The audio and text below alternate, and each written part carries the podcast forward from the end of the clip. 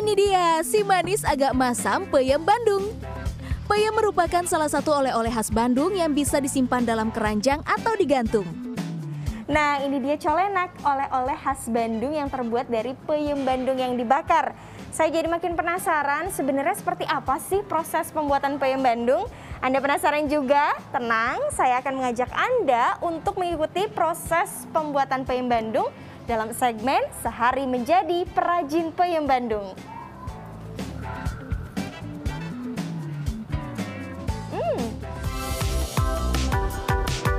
Peyem Bandung terbuat dari singkong yang telah melewati proses fermentasi. Singkong merupakan jenis umbi-umbian yang dikenal juga dengan sebutan ketela pohon. Terdapat beberapa jenis singkong seperti manggu, mentega, gajah, dan putih. Kalau untuk bahan baku peyem Bandung, biasanya menggunakan singkong jenis mentega.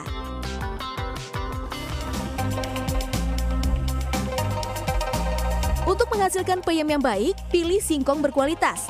Saya akan ikut memilih singkong dari kebunnya langsung. Di kebun seluas 40 tumbak inilah singkong dipanen. Karena tadi jembatannya rusak, jadi kita harus jalan memutar dan ternyata jalan memutarnya ini agak turun-turun gitu. Jadi kita harus benar-benar berhati-hati pas turunnya. Ditambah lagi ini tanahnya licin. Ah, apa apa. Berhasil. Terdapat kurang lebih 100 pohon singkong yang siap dipanen. Panennya tidak boleh asal-asalan ya, ada beberapa hal yang harus diperhatikan. Pak ini yang mau dipanen nih pohonnya tuh harus yang udah kayak gimana sih Pak Ya, kira-kira? ini udah tua kelihatan putih ininya, Oh, daunnya bat- menguning gitu. Oh, Ini kan udah ada cabang-cabang ininya, itu udah tua, itu layak, udah layak dipanen. udah itu. layak dipanen. Iya, Pas udah kayak gini langsung di gimana ini Pak? Langsung dicabut atau gimana? iya pakai pengungkit sekarang mah. Pakai kempeng. Karena musim kemarau itu ya lumayan agak ini kuat lah di itunya. Oh, oke. Jangan menebang terlalu tinggi ya, sebaiknya lebih dekat ke bagian pangkal. Ini saya mau coba untuk apa nih Pak? Nebang ya, nebang uh, pohon singkongnya. Tapi ini terlalu tinggi. oh jangan terlalu tinggi. Jadi harus dekat ke pangkal dari uh, pohonnya dan ini harus hati-hati ya. Ini saya didampingi oleh Pak Tatang ya Pak ya. Gini Pak caranya. Wow, ternyata Miring sampai. miring gini. Ya, di situ. Tuh. Berhasil. Lanjut, cabut singkong dari dalam tanah. Eits, jangan asal cabut ya, ada tekniknya nih. Pakai tali dan batang pohon berukuran 1 hingga 2 meter sebagai tuas pengukit untuk mencabut singkong dari dalam tanah. Kalau tali sudah terikat kuat, angkat. Sekarang saya mau coba bantu bapaknya narik ini, diangkat gini pak. Uh, uh, uh, uh. Berhasil. Ternyata ini banyak dapatnya pak. Talinya dibuka ya pak. Buka. Talinya dibuka. Satu, dua, tiga. Iya. ini berapa kilo pak? Kira-kira? 6 kilo. 6 kilo. Yeay. Jadi tanah-tanah yang masih menempel ini dibersihkan. Terus nanti singkongnya akan dipotong-potong oleh Pak Tatang. Pakai golok. Dan itu harus hati-hati. Ih. Cacing bukan sih, Pak? Eh, apa sih ini? Ah, iya benar ada cacing. Ada cacing, Pak. Di sana. Lanjut, potong singkong dari batangnya ya. Sayang, kali ini hasil panen tidak terlalu banyak. Cuaca yang kurang bersahabat membuat hasil panen tidak maksimal. Hama ulat juga berpengaruh pada hasil panen. Ah, Bapak dipegang. Astaga, waris. Jenis kuuk ini, Ini apa nih, Pak? kuuk namanya. Heeh, itu hama atau gimana? Pak? Iya, ini merupakan hama tanaman. Ini singkongnya kurang bagus itu karena waktu kecilnya digerogoti sama ini. untuk pertumbuhan perkembangan tanaman itu. Sambil menunggu semua pohon singkong dipanen, saya dan perajin peyem lainnya mulai mengupas singkong. Langkah pertama, bersihkan dulu sisa-sisa tanah yang masih menempel ya. Nah, kulit singkong ini ada dua bagian. Jadi ada kulit ari yang coklat-coklat seperti ini dan ada juga kulit yang putih seperti ini ya, Ya, Bu. Nah, yang ini. nah yang kulit ini. Bisa dimasak yang ini juga. Hmm, jadi Di- apa Bu dimasak? Dibikin itu apa? Eh, namanya apa dibikin makanan Oh, pokoknya. makanan oh. dipasak aja kita bisa ini. tuh. oh, ini. Di sini mah namanya kade demes gitu. Kade lah. demes. Oh. Sudah selesai kupas semua singkong hasil panen. Singkong dimasukkan ke dalam karung. Lalu diangkut menuju tempat produksi atau pengolahan. Jangan saya selanjutnya. Bawa karung isi 6 kilo dan harus nanjak.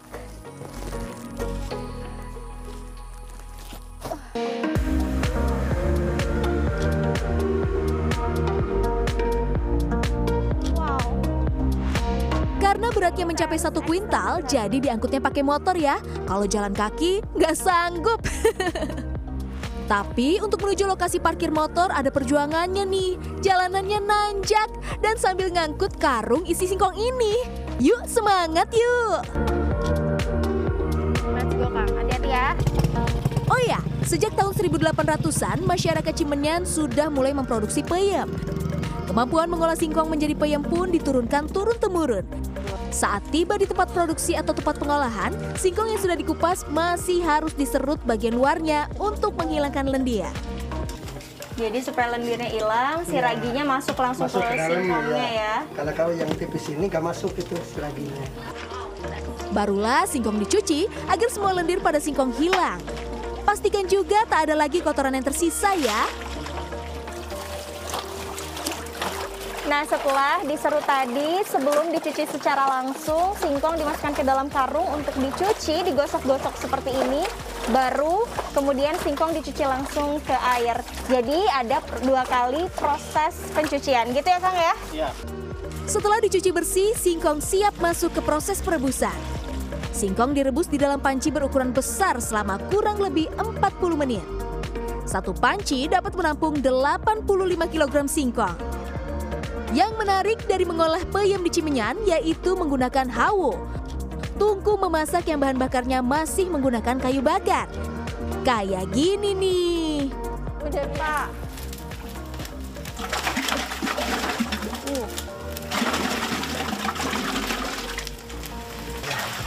Kenapa nih Pak? Masih pakai hawu, nggak pakai kompor gitu biar lebih cepat? Kompor itu kualitasnya jelek. Jadi yang ini kalau alami mah itu api itu menyalanya sedang terus gitu.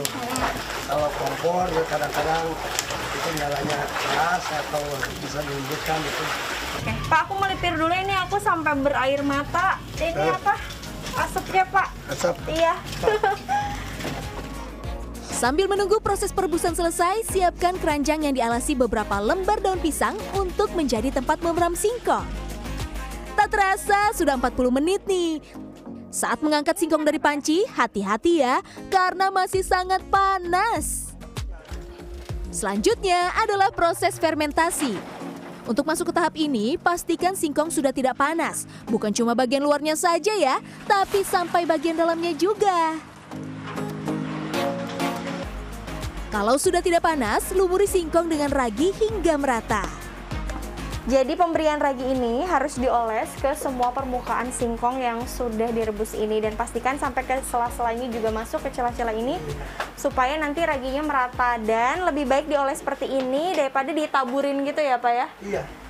Karena itu nanti hasilnya kurang bagus ke peyemnya ya Pak. Itu ditaburin.